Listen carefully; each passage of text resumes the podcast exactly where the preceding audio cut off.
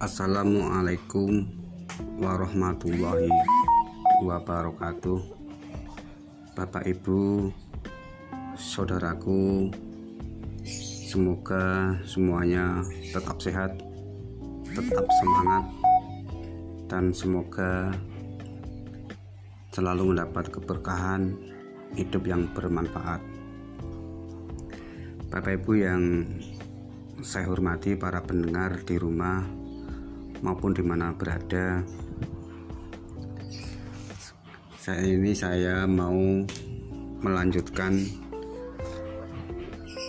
cerita saya, cerita yang nyata dan benar-benar nyata saya lakukan. Jadi masalah pendidikan saya memang sangat terganggu. Masalah pendidikan saya benar-benar terguncang ya disebabkan karena kemiskinan. Pertama tidak punya biaya tidak punya biaya untuk bayar SPP keduanya tidak punya untuk beli sepeda. Tidak ada alat untuk transportasi sehari-hari. Itu juga sulit. Ketiganya soal masalah kekurangan makan. Itu juga mempengaruhi juga. Karena kadang kita mau berangkat belum makan. Nanti di sana nanti sakit perut. Kadang pulang juga nggak makan.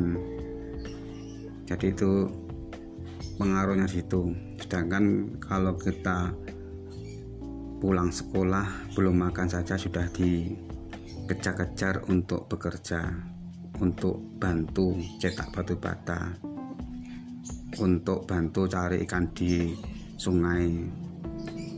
Jadi sangatlah terganggu.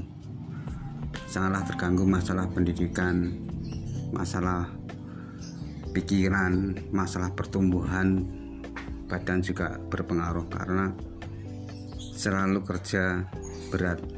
Yang harus seharusnya masih bermain kita sudah untuk berpikir untuk membantu cari nafkah. Sudah sudah diminta untuk bekerja keras.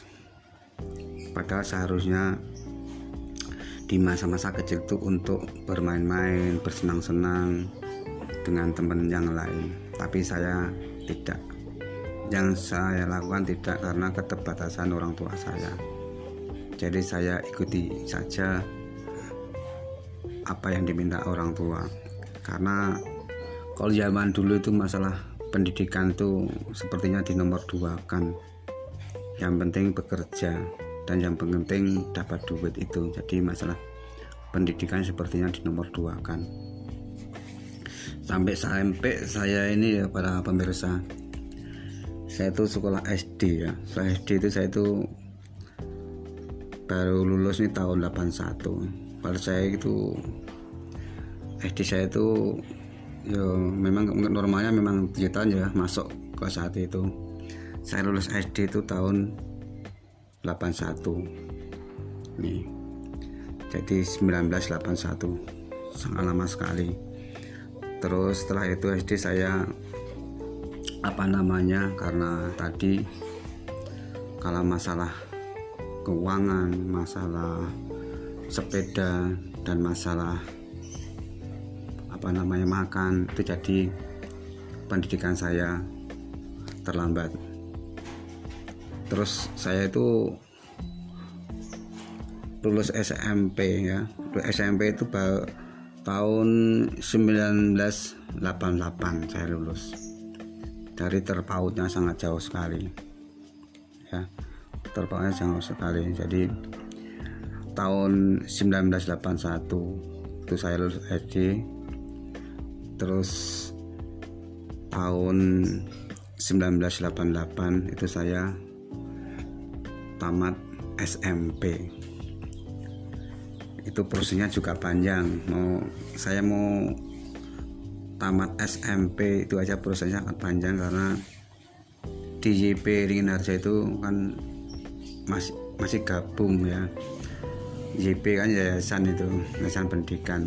Yayasan pendidikan Ringin Harja itu kan masih gabung. Jadi saya dulu ujiannya gabung di SMP 3 Bantul. Di SMP Negeri 3 Bantul Yuk, eh, Bantul Yogyakarta. Jadi saya dulu SMP nya itu gabung di SMP 3 Bantul. Dengan senang dan dukanya tetap saya jalani. Saya nikmati ya karena itu memang sudah seperti itulah kodratnya. Saya harus terima. Setelah saya lulus SMP ya setelah saya lulus SMP saya tidak langsung ke SMA kalau teman-teman yang lain mungkin langsung ke SMA di Ma'arif Jogja sana. Tapi kalau saya karena ter terkendala biaya terkendala alat transportasi dan lain-lain saya terpaksa saya tidak melanjutkan sekolah di SMA saya ditawarin pekerjaan di ikut proyek di pembangunan yang pertama itu saya itu ditawar pekerjaan di Tajeman di daerah Bantul. Di sana itu ada kalau nggak salah itu ada SMP di Tajeman. Itu di Tajeman saya ikut dengan teman saya. Itu digaji sehari 2000 nggak salah. Sehari 2000 rupiah di Tajeman memang itu udah sekitar tahun 1988 sekitar tahun 1988 setelah lulus SMP itu saya itu bekerja di proyek sedang bangun sekolah itu gajinya ya eh gajinya per hari bayarannya 2000 itu sudah apa namanya kita ada kerjanya ada seperti itu. Udah panas sudah kotor sudah badan capek semua rusak semua. Karena proyeknya terbuka ya. Proyeknya terbuka di sawah di pinggir jalan. Jadi itu debu juga di situ matahari juga memanasi di situ. Kalau hujan juga kehujanan itu saya lakukan berbulan-bulan sampai selesai. Setelah selesai saya bekerja di Tajeman Bantul saya ditawar lagi pindah yang lebih jauh lagi yaitu di daerah Kokap Kulon Progo. Itu jaraknya ada kalau dari sini dari rumah saya ya sekitar 50-an kilo mungkin dari sini ke Kokap Kulon Progo. Dan jelas jaraknya jauh sekali. Waktu itu, itu saya naik sepeda. Itu nah sepeda itu pun juga bukan sepeda saya.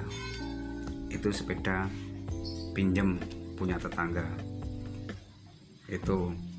Waktu itu saya minjem sepeda tem tempat tetangga.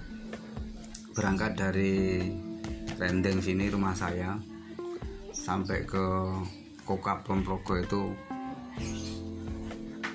hampir setengah hari itu setengah hari. Setengah hari lebih itu baru sampai karena tempatnya jauh juga cuma pakai sepeda. Itu karena berhenti jalan berhenti jalan. Ya karena kondisi juga dulu juga jalan tidak seperti ini. Itu jalan kan nggak tidak bagus jadi masih belum jalan jalan itu dulu masih kurang bagus itu. Saya bekerja di Kabupaten Bogor itu dulu dan saya itu pas kebetulan pas ngecor itu. Pas ngecor jadi pekerjaannya benar-benar maksimal dan harus selesai. Kita mulai pagi. Pagi jam setengah tujuh. Ya setengah tujuh udah mulai tit jam tujuh mulai. Sampai besok pagi lagi. Pagi lagi habis subuh itu baru istirahat. Karena kenapa? Kalau ngecor itu kalau ditunda-tunda nanti hasilnya tidak baik. Jadi terus berjalan terus. Sampai tengah malam jam 1 jam 2 itu saya sudah pusing palanya ada pusing udah ngantuk tapi tetap jalan. Tidurnya berdiri sambil itu sambil ranting cor itu. Karena kalau cerdak itu harus segera dan harus cepat selesai. Jadi pekerjaan nonstop 24 jam dari pagi jam 7 tit sampai besok pagi lagi. Waktu subuh pun belum selesai tetap berjalan itu. Waktu adzan subuh itu tetap berjalan. Karena harus terus. Jadi saya apa namanya sangat benar-benar prihatin benar dan benar-benar sangat menikmati benar uh, kesusahan dan kekurangan yang saya alami waktu itu. Setelah pekerjaan selesai di itu di Komprogo saya ditarik lagi pindah ke tempat lagi. Di tempat yang lebih jauh lagi itu di pegunungan. Di pegunungan di pegunungan waktu awalnya kita berangkat ya waktu kami berangkat rame-rame itu pakai truk diantar pakai truk ke gunung sana. Di daerah Kokap sana. Daerah Kokap Kelompoko yang daerah pegunungan sana. Saya diantar pakai truk.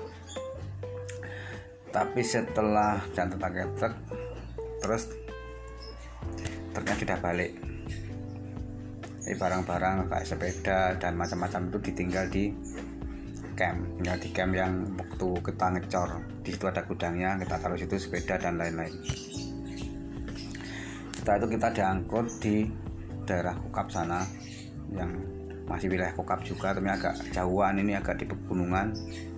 Yang jalannya naik turun naik turun. Kebetulan pas hujan itu. Kebetulan pas musim hujan.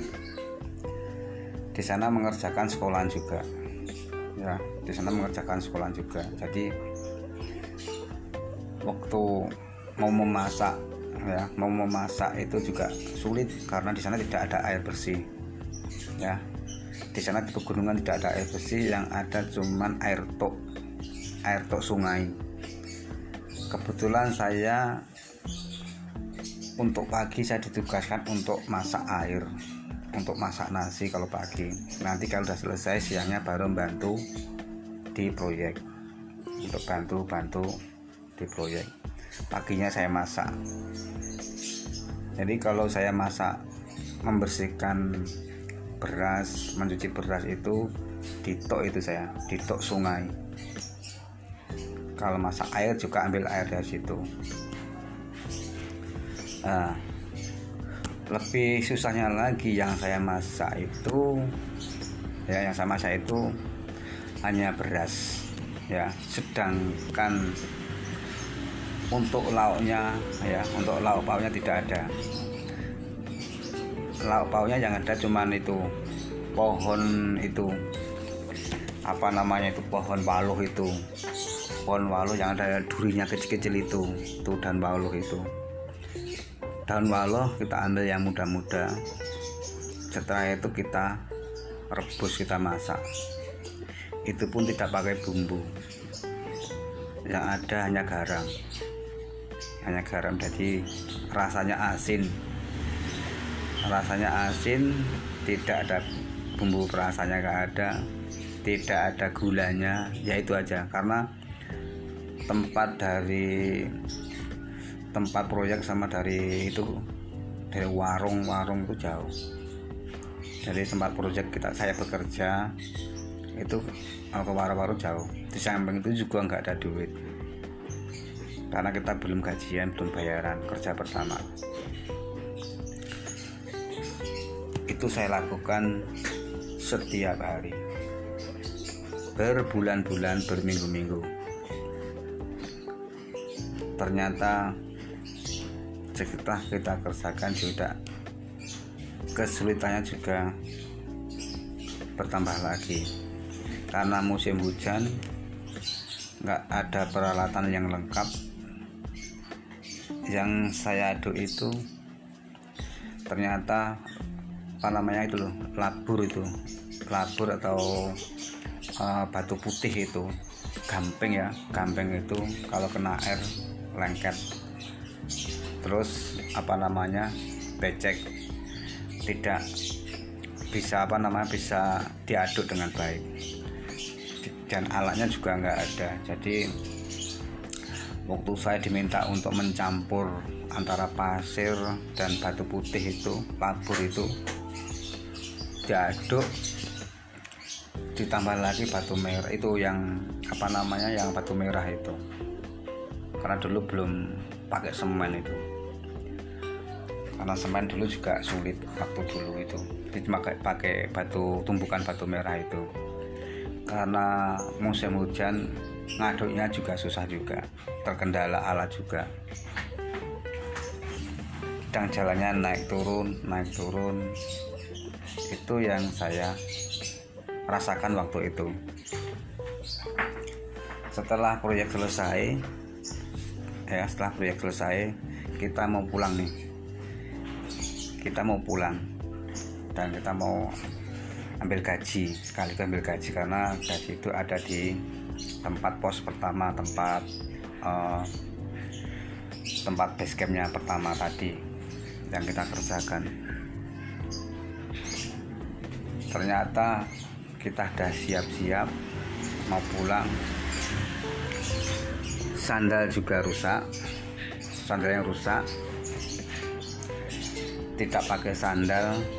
Dan kakinya itu bengkak-bengkak. Kena batu putih ya.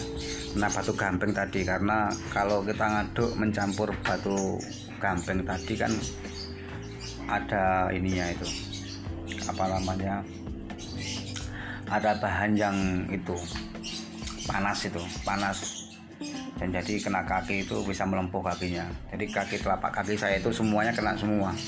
Karena saya ngaduk terus itu juga musim hujan jadi kena air itu. Jadi kakinya itu pada kena kena gamping itu kena air gamping itu. Akhirnya lidas itu namanya.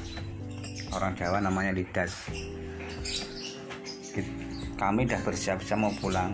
Ternyata tidak dijemput. Ternyata yang truk yang kita tunggu-tunggu yang kita tunggu-tunggu mau jemput ternyata tidak jemput. Akhirnya dengan terpaksa sekali jalan kaki bapak ibu saudaraku semua.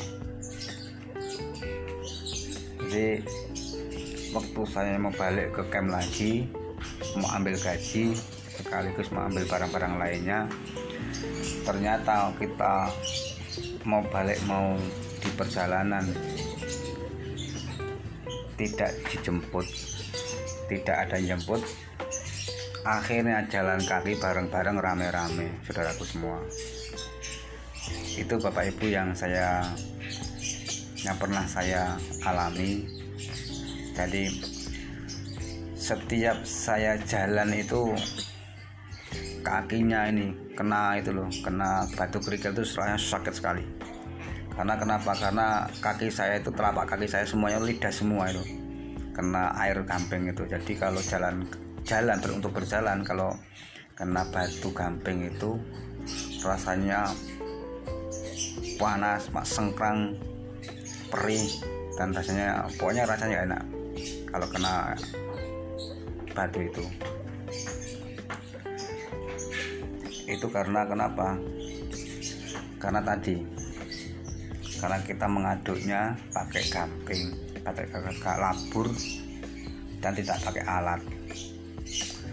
Alatnya sederhana sekali dan tidak memadai. Sedangkan yang diaduk itu banyak sekali. Itu kendalanya. Akhirnya terpaksa saya dan teman-teman jalan kaki.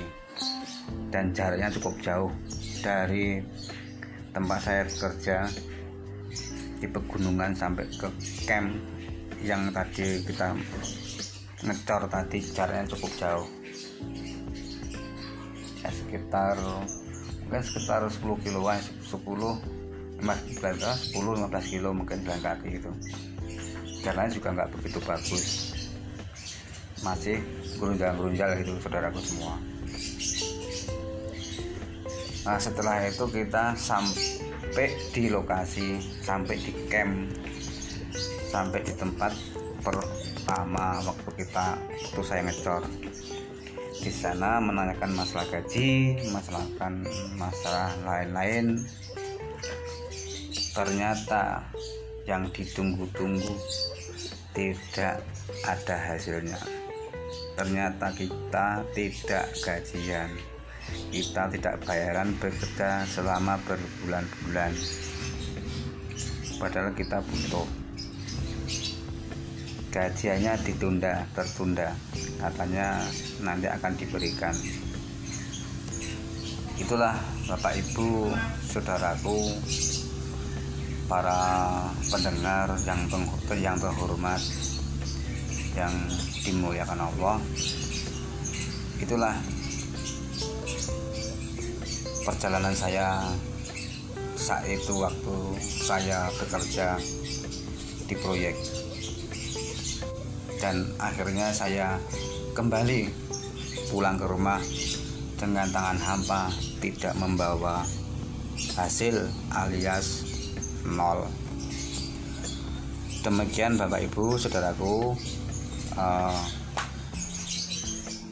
pengalaman yang saya alami waktu saya bekerja di Pajeman di Kokap Kulon Progo dan akhirnya kembali pulang. Ya insya Allah nanti di episode yang selanjutnya akan saya bicarakan lagi yang lebih ekstrim lagi yang lebih sedih lagi karena ini cerita saya ini sedih semua jadi nanti saya lanjutkan di episode di lainnya. Terima kasih. Wassalamualaikum warahmatullahi wabarakatuh